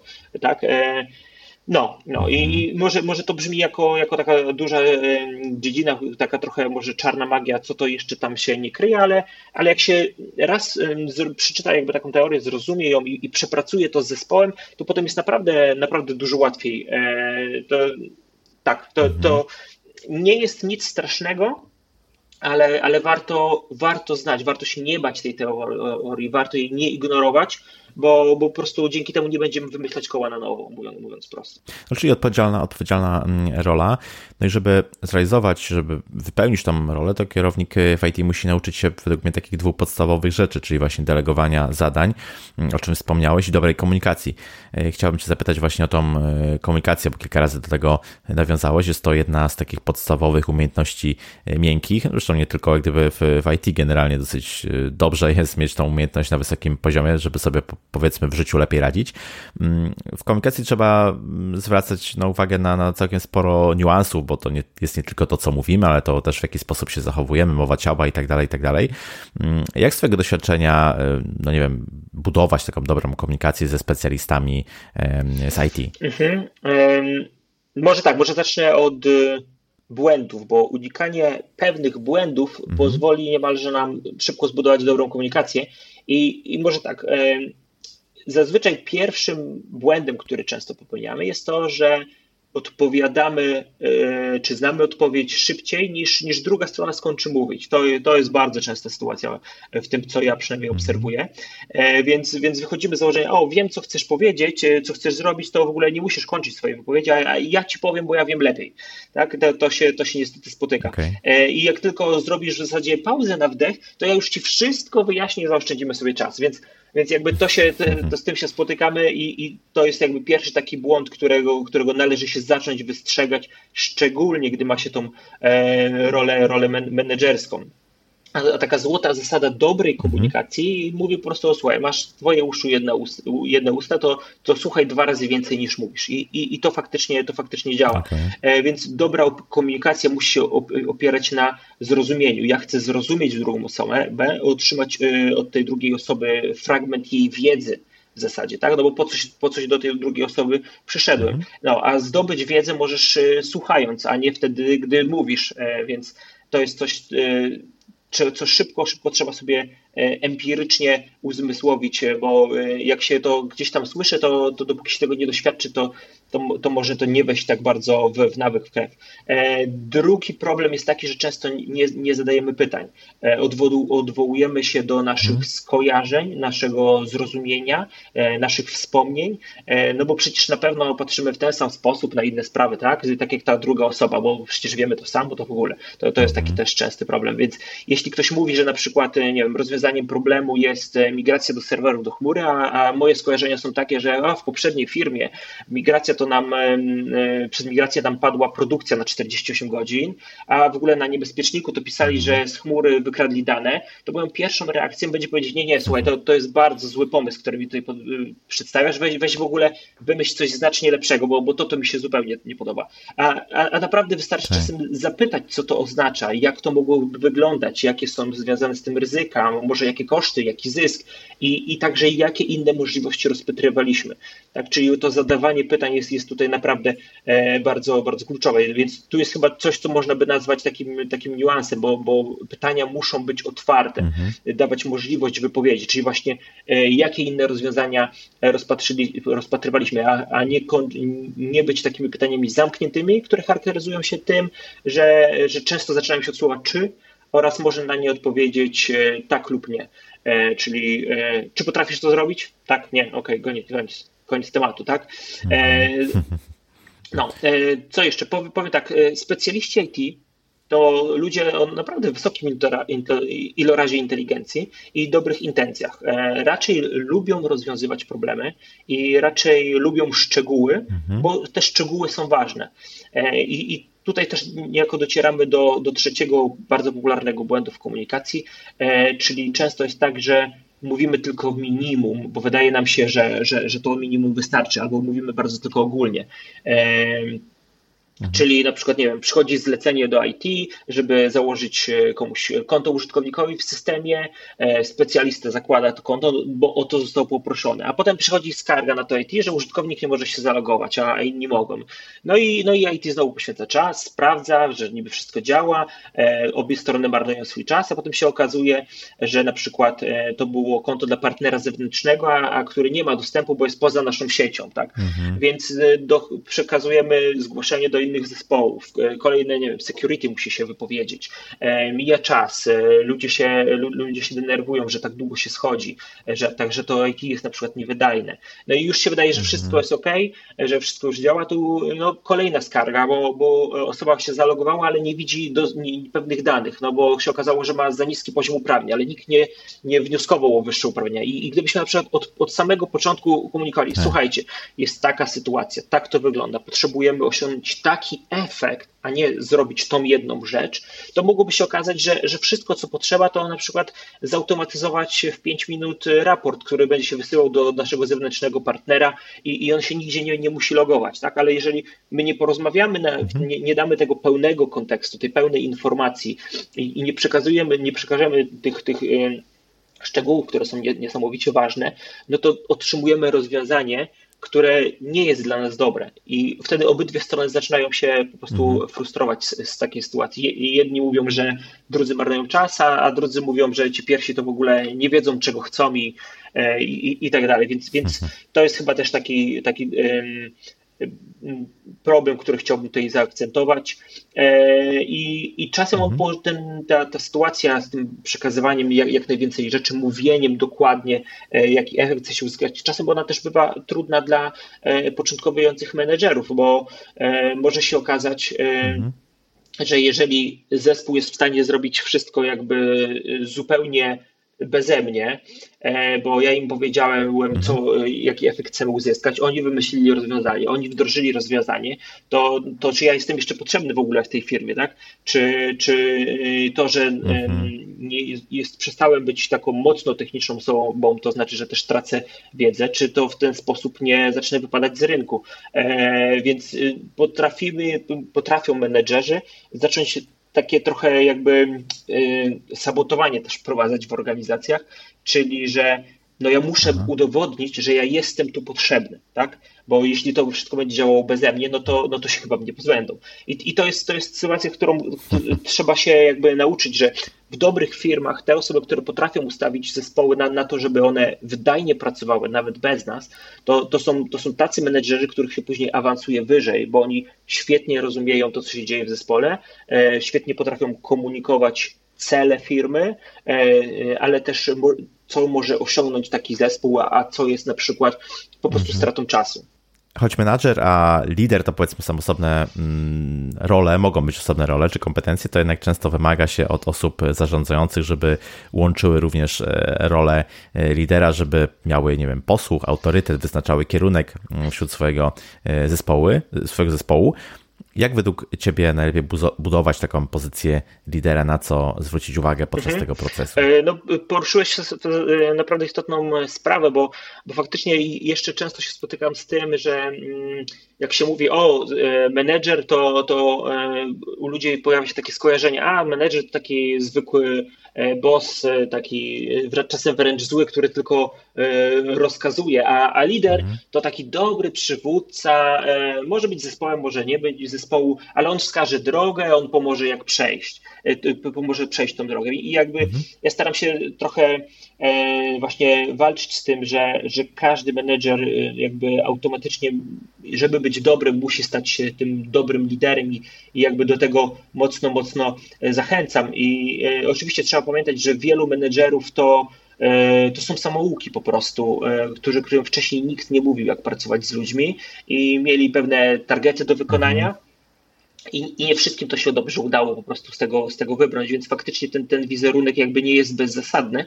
E, natomiast można go, e, można go porządnie zmienić i e, do, do czego właśnie zachęcam, zdobywając po prostu wiedzę z tego, z tego na przykład tego, jak działa zespół, z psychologii zespołu i, i jak być między innymi tym, tym dobrym liderem, to to trzeba zaczynać od tego, żeby być po prostu dobrym człowiekiem. Czyli chcesz, żeby być e, i, i, i świecić przykładem jak, jakby samemu. Czyli chcesz, żeby ludzie byli z tobą szczerzy, to, to ty bądź pierwszy szczery z nimi. E, chcesz, żeby się angażowali okay. w pracę, to pokaż, że ty też się angażujesz. Najbardziej właśnie chyba wkurza taka hipokryzja, jak ktoś mówi jedna, a, a robi drugie, robi drugie, przepraszam.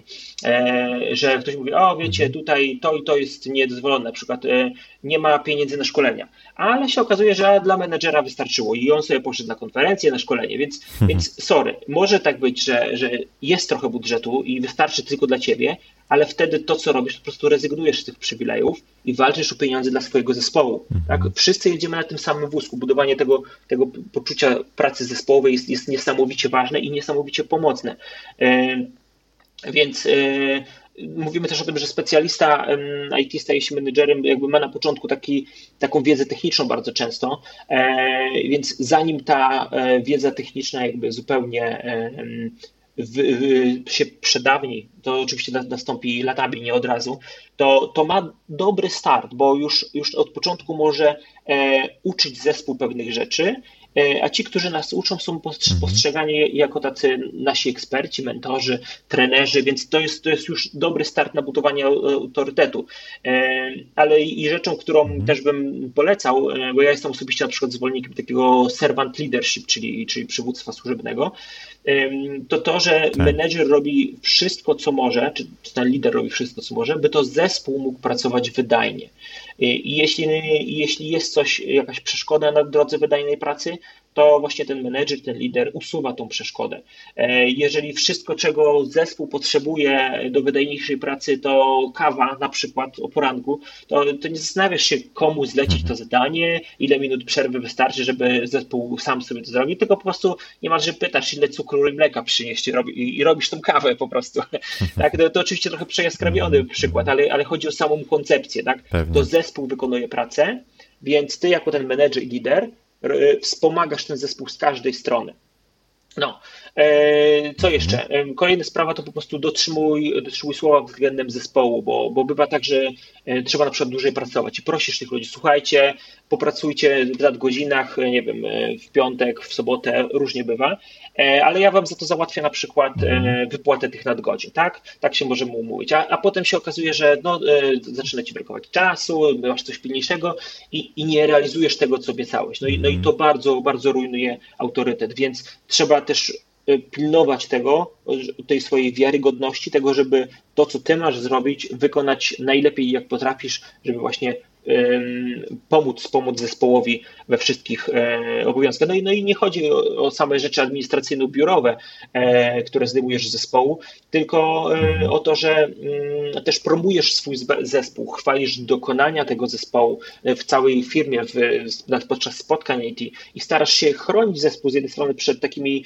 nudnymi zadaniami, wrzutkami z innych zespołów, bo ktoś mówi, nie, to niech tamci się zajmą i, i, i trzeba jednak umieć też chronić ten swój zespół I, i też walczysz dla swojego zespołu o takie ciekawsze rzeczy, o, o nowsze technologie, o fajniejsze narzędzia. Jeżeli do tej pory nie mhm. korzystaliście z chmury, to starasz się przekonać organizację, słuchajcie, idziemy w tą chmurę, bo, bo to naprawdę ma sens. I dajesz ludziom y, nowe rzeczy, nowe, nowe ciekawe rzeczy, dajesz szansę na rozwój. I, i w ten sposób oni, oni automatycznie mhm. zaczną cię szanować za to, że o nich dbasz. Tak? Czyli to, no, tak to, tak to zdecydowanie wygląda. Mhm. Rozumiem. No, niełatwe zadanie, ale bardzo potrzebne, myślę. Mhm. Ale jako osoba zarządzająca musimy również e, motywować swój, swój zespół. Mm, motywacja, wiadomo, może być bardzo różna. Może być finansowa, może być taka wewnętrzna, że sami czujemy jak gdyby taką potrzebę, żeby działać. Może być też zewnętrzna. Tutaj też mnóstwo odmian, prawda? Chociażby zasada kija i marchewki, która no, niekoniecznie się musi zawsze sprawdzać. E, jak z Twojego doświadczenia wynika, w jaki sposób menadżer IT może motywować swój mhm. zespół do działania? E, dobra, więc ja, może zacznę od tego, że, e, że taka prawdziwa motywacja to jest niemalże wyłącznie wewnętrzna, może nawet wyłącznie wewnętrzna właśnie, bo, mhm. bo wszystko, co jest z zewnątrz, z czasem traci na sile. E, nawet może jakiś szybki przykład, że mamy senior deweloperów, e, na przykład 15 lat doświadczenia, zarabiają 20 tysięcy i mówisz im, e, słuchajcie, Tutaj jest nowe zadanko, będziecie teraz dostawać nie 20-30 tysięcy, kto się zgłosi. Tutaj macie, siedzicie przed tym biurkiem 8 godzin dziennie, tu jest guzik, który nic nie robi zupełnie, ale masz go naciskać przez dokładnie, dokładnie co na przykład 6 minut i w ogóle nie potrzebujesz komputera do pracy. No i się okazuje, że, mhm. że okej, okay, no 50% więcej pieniędzy to, to silny zastrzyk, zastrzyk finansowy. Powinni naprawdę kandydaci walić drzwiami i oknami, a, a rzeczywistość jest taka, że wątpię, żebyś znalazł mhm. chociaż jednego inteligentnego człowieka, który by powiedział, o tak, dokładnie to chcę robić tak. przez kolejny rok. W ogóle siedzieć tutaj i naciskać ten guzik, no bo przecież to mi daje taką ekstra kasę, tak? Więc y, poczucie, że mhm. robi się y, coś z sensem jest, jest niesamowicie ważne, tak? E, więc jest, taka, jest taki taka osoba jak Herzberg była, bo już niestety nie, nie istnieje, nie żyje. On wyróżnił pewne czynniki, które nas mhm. motywują do pracy i czynniki tak zwane higieniczne, które są niejako unikaniem niezadowolenia. No i, no i to jest tak, że jeżeli masz na, na jednej, na, masz skalę i na, to po jednej stronie masz czynniki, które cię motywują, a po, a po drugiej, które cię motywują, jeżeli, demotywują. E, I jeżeli nawet usuniesz te czynniki, które cię demotywują, to nie staniesz się automatycznie bardziej szczęśliwy czy bardziej zmotywowany, jeżeli nie masz czynników, które ciebie naprawdę prywatnie motywują. E, I co mhm. każdego motywuje, no to jest już tak naprawdę dość indywidualna sprawa, natomiast wyróżnione są pewne, pewne takie grupy rzeczy. E, więc najważniejsze to zrozumieć, co każdego z osobna interesuje, co sprawia, że e, w poniedziałek o 6 czy 7 rano nie przyklina pod nosem, tylko wstaje, idzie do tej firmy i wykonuje swoje mhm. obowiązki naj, najlepiej e, jak umie. I na szczycie takiej listy zawsze znajduje się w zasadzie sens robienia tego, co się robi.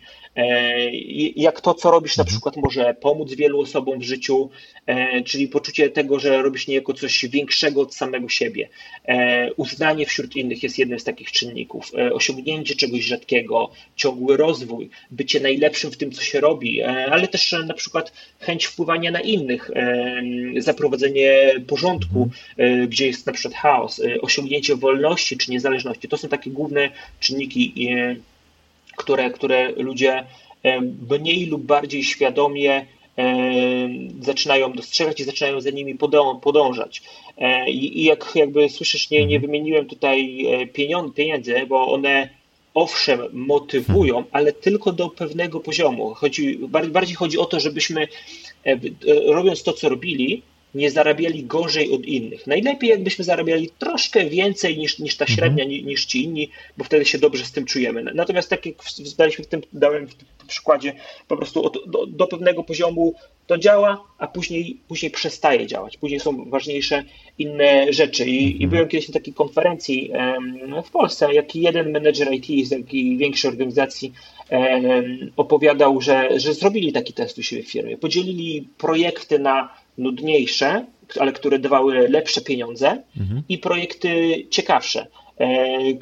Które po prostu pozwalały zrobić coś fajnego i dawały też ci fajny wpis w swoim CV, no ale już bez ekstra kasy. No i jak, jak na początku to ogłosili, że słuchajcie, taka jest koncepcja, tak, tutaj to są te starsze systemy, ale trochę więcej za nie płacimy, a tu są te nowsze, ale trochę sobie płacimy, no to ludzie tak trochę mówią, ja to zupełnie bez sensu, zaraz po prostu przetopicie mhm. całą kasę I, i na początku dużo ludzi faktycznie poszło, dobra, to ja chcę więcej pieniędzy, to, to idę w te rzeczy, ale zaczęło mijać trochę czasu mhm. i, i, i, co się okazało? Ta tendencja zaczęła się e, zmieniać. Ludzie zaczęli mówić, kurczę, ja, ja, w zasadzie nie chcę robić tego, co robię. Ja chcę zająć się tymi ciekawszymi rzeczami i jestem mhm. gotowy zarabiać trochę mniej, po to, żeby pracować z dużo fajniejszymi rzeczami, dającymi mi więcej przyjemności. E, I, i no nie, był, nie było tak oczywiście, że 100% ludzi się przerzuciło na ciekawsze projekty, bo, bo tak nigdy nie jest, każdego co innego napędza. Ale mhm. jednak, jednak jak już dojdziesz do pewnego poziomu, czy to świadomości, e, czy, czy po prostu udaje ci się odkryć, co sprawia ci przyjemność, to, to widzisz, że te pieniądze nie są na pierwszym miejscu. One są istotne, ale nie są na pierwszym miejscu, tak? E, I te, i te motywatory są niesamowicie Jasne. ważne. A, że każdego trochę co innego motywuje, no to warto pracować z ludźmi po prostu też w modelu jeden na jeden, dawać im szansę e, mm, wykazać się, słuchaj, spróbuj tego, spróbuj tamtego, poeksperymentujmy, powiedz, co, powiedz w czym się widzisz, e, czy czego chciałbyś robić więcej, czego mniej i, spróbujmy tak mniej więcej ustawić tą pracę, że, żeby to się udało, bo no masz w zespole na pewno osoby, które są dużo bardziej analityczne i lubią pracować bardziej z danymi szczegółami i masz osoby, które są bardziej mm, skierowane na taki ogólny wizję na taki big picture tak zwany, e, albo nawet lubią pracować e, mhm. z klientem na przykład, e, czy, czy lubią pracować z innymi osobami. Więc, więc tak, to, tak, tak to mniej więcej działa, tak to widzę.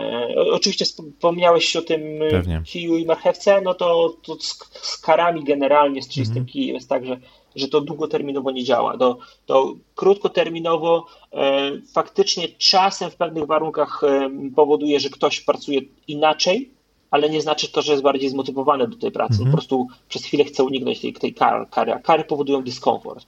E, jak są silne kary, to powodują strach. No i mhm. kształtowanie zachowań e, na, na zasadzie róbcie tak, bo, bo inaczej dostaniecie kary, powoduje, że ludzie się owszem potrafią zachowywać tak jak chcesz, ale nie będą zmotywowani do pracy, nie będą e, kreatywni, nie będzie wcale im się chciało przychodzić, więc, więc znacznie lepszym podejściem jest zwracanie uwagi na konsekwencje po prostu.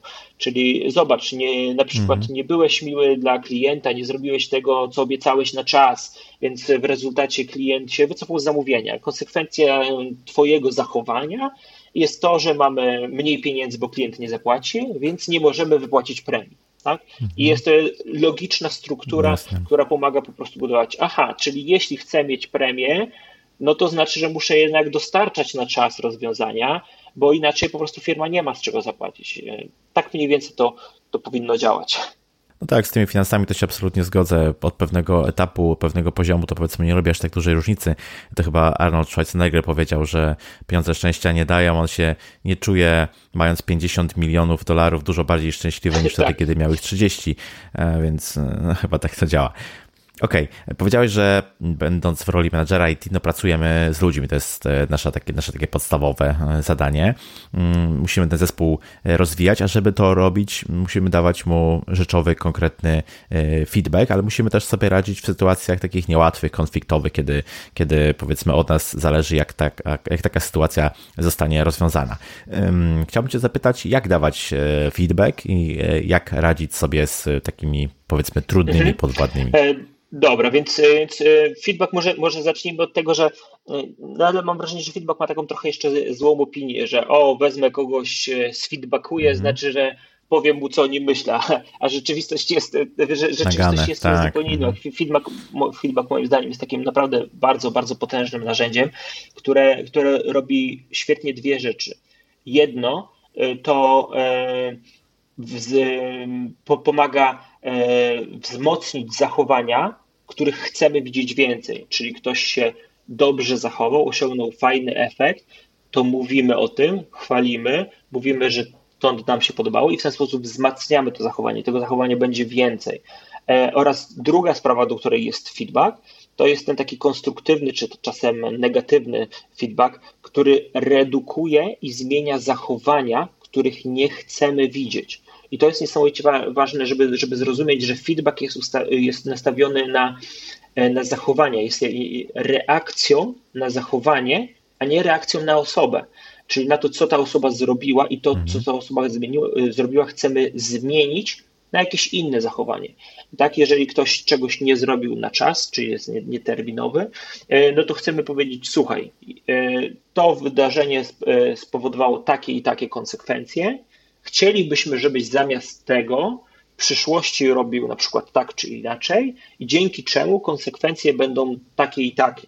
Tak, czyli jakby pokazujemy o, o co mhm. chodzi, pokazujemy, że nie jestem zły na ciebie, że E, na przykład nie zrealizowałeś tego na czas, bo miałeś 10 e, zadań e, innych i, jakby nie, nie do końca sprawnie potrafiłeś rozróżnić, co jest najpilniejsze, tylko, tylko zdecydowanie pokazuje, Zobacz, jakbyś tutaj miał znowu taką sytuację, w której masz 10 zadań, to zanim zaczniesz je robić jedno po drugim, poświęć chwilę czasu na to, żeby zobaczyć, które z tych zadań powinno być wykonane jakby w pierwszej kolejności, dlatego że ma największy wpływ na inne zadania, na inne zespoły, albo czas na jego realizację jest najkrótszy i tak dalej, i tak dalej. Więc jakby uczymy nowych, pozytywnych zachowań w miejsce tych, których nie chcemy widzieć. I, mhm. i to jest taki clue tego, tego feedbacku. To jest niesamowicie ważne. E, I, I tutaj mm, to, co poruszyłeś, czyli właśnie są jeszcze mm, trudni podwładni, e, czy trudne, trudne mhm. osoby, e, to, no, to faktycznie, to wcześniej czy później się z tym spotkamy, będąc menedżerem. I tutaj też trzeba się ustawić na to, że to nie ludzie są jakby źli sami z siebie, bo po prostu taki mają kaprys, tylko często wynika to z mhm. pewnego takiego poziomu nieświadomości, że nie wiem, że to, co robię, powoduje e, komuś e, jakieś złe konsekwencje, e, jakąś przykrość czy coś takiego. Oczywiście zdarzają się sytuacje, że ktoś po prostu nie chce pracować zespołowo, no ale wtedy potrzebujemy dojść jakby do, do sedna mhm. problemu, czy to dlatego, że są jakieś sytuacje, które są w jego życiu prywatnym, czy może coś jest, jakiś konflikt między nim a innymi osobami z zespołu, czy może jest jakaś mhm. zazdrość, dajmy na to, czy może projekt, do którego go zaangażowaliśmy, w ogóle, w ogóle go nie interesuje. On, on chciałby być z dala od tego projektu, czy coś takiego, więc trzeba, trzeba poświęcić trochę czasu na, na zrozumienie też tego, co jest powodem tych, tych trudnych zachowań, e, a następnie pracować oczywiście nad nimi, żeby, żeby ich występowało jak najmniej lub je zupełnie e, wyeliminować. I, i, i jest mhm. często takim chyba błędem jest to, że z jednej strony są menedżerzy, którzy ignorują e, takie rzeczy, że a dobra, to tam coś się pokłócili, a to przecież chłopaki to się zaraz dogadają, e, to, to nie trzeba na to patrzeć, to, to, to nie jest naj, najlepsza metoda. E, I są jeszcze oczywiście osoby, które robią inaczej, czyli w każdy konflikt wchodzą, rozpatrują, starają się go rozwiązać jak najbardziej, nie dając mhm. czasu zespołowi, żeby, żeby sam też trochę się nauczył pewnych postaw, postaw zachowań. To, to też nie jest dobre, więc, więc zawsze jest gdzieś ten złoty środek. I co jest jeszcze ważne, kiedy pomagamy, kiedy pomagamy mm, rozwiązać jakieś konflikty, kiedy zajmujemy się sytuacją z trudnym pracownikiem, często jako ludzie chcemy powiedzieć, no chciałbym zadbać o tego człowieka, widzę, że sobie nie radzi, ale dajmy mu drugą szansę. No znowu sobie nie będziemy poradzić, dajmy mu trzecią, czwartą, piątą szansę. I cały zespół zaczyna widzieć potem sytuację, w której jeden człowiek sobie nie radzi, jest dużo słabszy od innych. Zastosowano już pięć różnych mhm. planów poprawy i nadal się toleruje jego nieodpowiednie zachowanie, no, no bo przecież to człowiek, nie wyrzucimy go i tak dalej.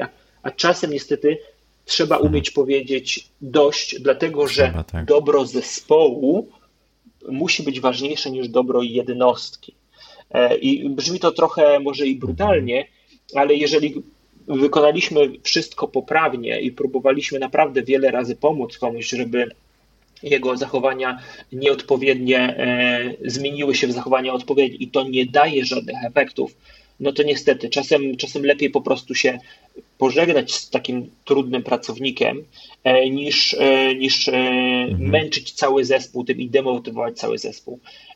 Na, na koniec może jeszcze tylko dodam, że to, co bym bardzo mocno polecał mhm. zawsze, to to, że jeżeli spotkamy się z sytuacją, jesteśmy tym młodym menedżerem zaczynającym, spotkamy się z sytuacją, że nie do końca wiemy, jak sobie poradzić.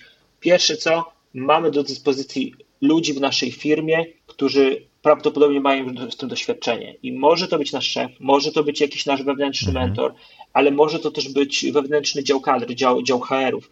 To, to są osoby, które mają doświadczenie w radzeniu sobie z e, trudniejszymi pracownikami i, i nie próbujmy, zwłaszcza na początku, być takim ekspertem od wszystkiego i znam się na wszystkim. Nie, nie. Ja nie potrafię tego rozwiązać, bo to, jest, bo to jest pierwsza sytuacja, z którą się spotykam, więc idę zapytać kogoś, kto ma większe doświadczenie w tym obszarze. I, i to, jest też, to jest też ważne, nauczyć się tego, że nie jesteśmy, nie jesteśmy sami w tej organizacji i mimo, że to jest nasz problem, to nie znaczy, że musimy sami znaleźć na niego rozwiązanie, sami je zastosować, monitorować i tak dalej. Korzystajmy też z pomocy innych osób. Tak, cenna uwaga. A mm, czy według Ciebie to jest droga tylko w jedną stronę, czy no, jest możliwy na przykład powrót do roli technicznej z sukcesem, kiedy mm, zobaczyliśmy, jak to jest zarządzać zespołem? Czy to się może udać, czy to e, obserwujesz? Jak myślisz, dlaczego mhm. tak się dzieje? E, więc tak, nawet to nam na początku chyba wspomniałem o takim przykładzie, że faktycznie to się zdarza tak, że ktoś ma zespół przez pewien czas, a potem już go nie ma. E, I, i są różne sytuacje. Czasem ludzie się po prostu mm, obawiają, że że ten menedżer się zajmuje się rzeczami takimi e, zupełnie e, nie dającymi się łatwo policzyć, sprawdzić, zweryfikować, więc, więc czy to na pewno, czy on na pewno robi dobrą, dobrą robotę i, i z byciem menedżerem, z robieniem roboty menedżerskiej jest trochę takie jakby z taką niejako odroczoną gratyfikacją, że e, na początku często nie widzisz efektów swoich działań. Dopiero jak robisz to wystarczająco długo, to zaczynasz widzieć te efekty i zaczyna to sprawiać ci radość. I jeżeli, jeżeli to nie sprawia ci radości mhm. długo, to faktycznie powinieneś wrócić do tej, do tej e, roli technicznej prawdopodobnie. Może to jest nie ta organizacja, a może to nie jest po prostu dla ciebie. I w bardzo wielu przypadkach powrót do roli technicznej jak najbardziej jest możliwy.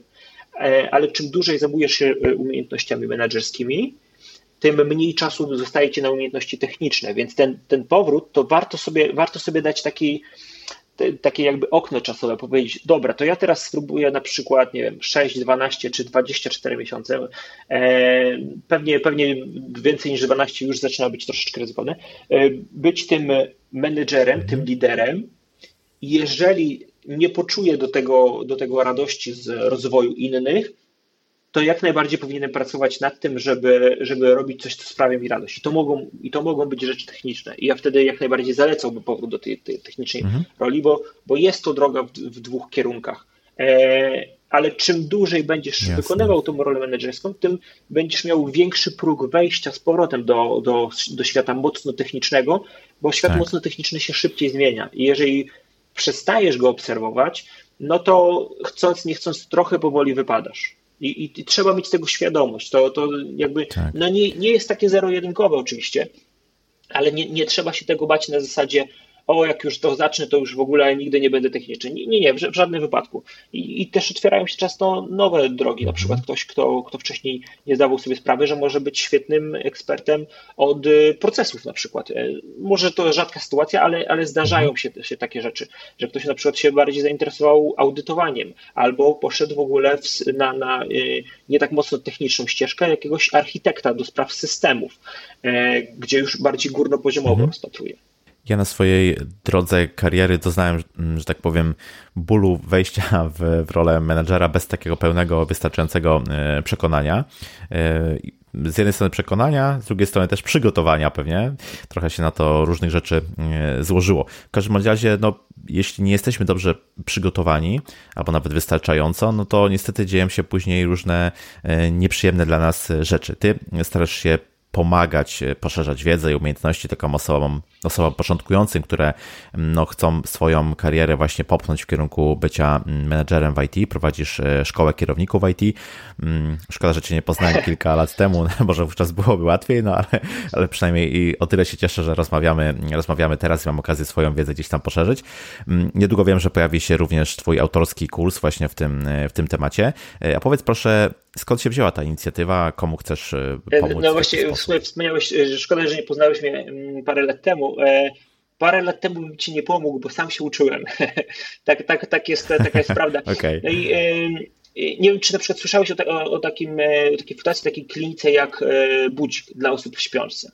Ja, ja mhm, lubię ten tak. przykład w tym sensie, że on bardzo łatwo i, i obrazowo pokazuje, że zazwyczaj osoby, które przejdą jakąś trudną sytuację, zaczynają myśleć o tym, kurczę, żeby inni nie mieli tej trudnej sytuacji, żeby inni nie mieli tych negatywnych doświadczeń, tak? I ja jestem mhm. teraz w sytuacji, że nabyłem to doświadczenie, dzięki któremu mogę dzielić się nim z innymi, żeby oni nie mieli tych przeszkód, żeby mieli łatwiej, żeby mieli lepiej. I, I to jest jedna z najczęstszych takich motywacji, dlaczego ludzie zaczynają robić coś innego. I, i u mnie mhm. jest trochę podobnie, że jakby nie miałem, nie czułem wystarczająco, że e, są odpowiednie źródła wiedzy, że są odpowiednie e, możliwości e, do, do po prostu poszerzania tej wiedzy. I trochę chcę jakby też pomóc właśnie osobom, które, które są na podobny, w podobnej sytuacji i uchronić ich mhm. przed popełnieniem tych błędów. Bo y, wydaje mi się, że, że w ogóle cały świat robi się coraz bardziej, wiesz, maszynowy, sztuczna inteligencja i tak dalej, i tak dalej. I, i w mhm. tym wszystkim jest ważne, żeby, żeby jakby y, ludzie pozostali względem siebie po prostu takimi zwyczajnymi, normalnymi, dobrymi ludźmi, tak? Tego bym sobie życzył. I y, okay. jest potrzebny ktoś, mhm. kto będzie potrafił pomóc innym, prowadzić ich do na przykład osiągania wspólnych celów.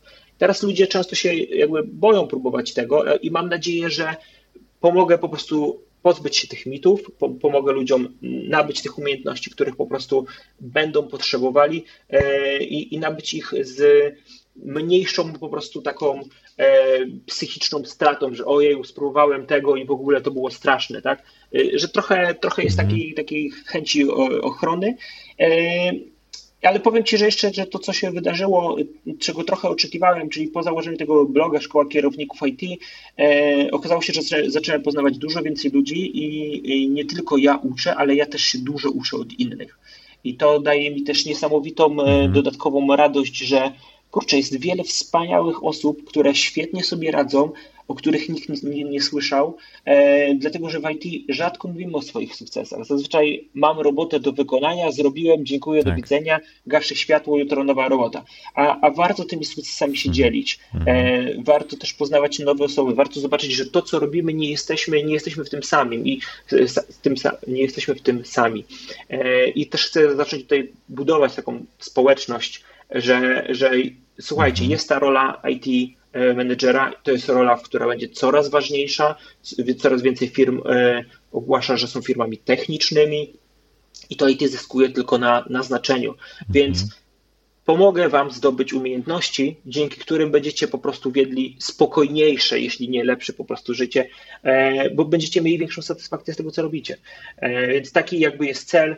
E, no, zobaczymy, zobaczymy, jak to będzie wyglądało e, za rok, gdzie będę. Na razie jestem bardzo zadowolony z tego, że, że udaje się to robić i prowadzić. Trzymam kciuki za Twoją inicjatywę i też e, no myślę, że to może pomóc wielu osobom, które przechodzą właśnie pomiędzy tymi dwoma rolami, zwłaszcza. Wiem, że kurs jest już za rogiem, więc też na pewno będę w kanałach social mediowych związanych z podcastem informował, kiedy tylko ten kurs się pojawi, bo myślę, że to jest, że jest duża potrzeba po prostu takiego kursu obecnie wśród y, polskiego naszego IT, które coraz bardziej dojrzewa i coraz bardziej potrzeba osób, które mm, będą w stanie merytorycznie, rzeczowo i skutecznie zarządzać innymi specjalistami w IT.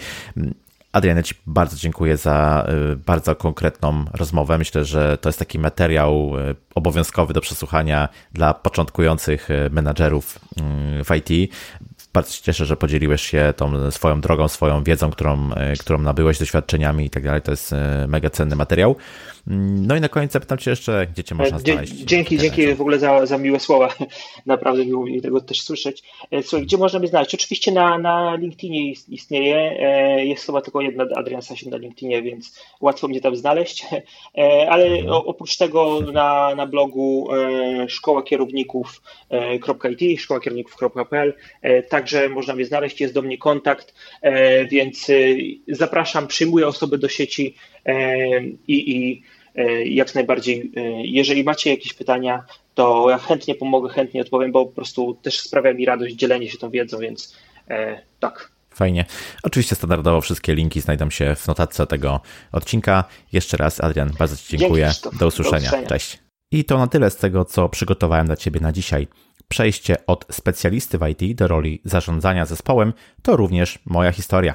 Szkoda, że przed tym nie przesłuchałem tego podcastu, bo Adrian pokazał wiele wyzwań, dróg i korzyści z pracy na takim stanowisku. Adrian wiele razy wspominał o umiejętnościach miękkich.